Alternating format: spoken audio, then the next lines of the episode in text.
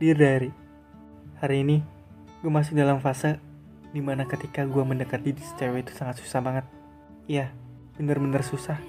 Di saat gue pengen sekali deket sama seseorang Gue udah berusaha keras nih Ngechat dia DM dia Liatin foto dia terus Kepoin dia Selalu stay Melihat aktivitas dia di sosial media.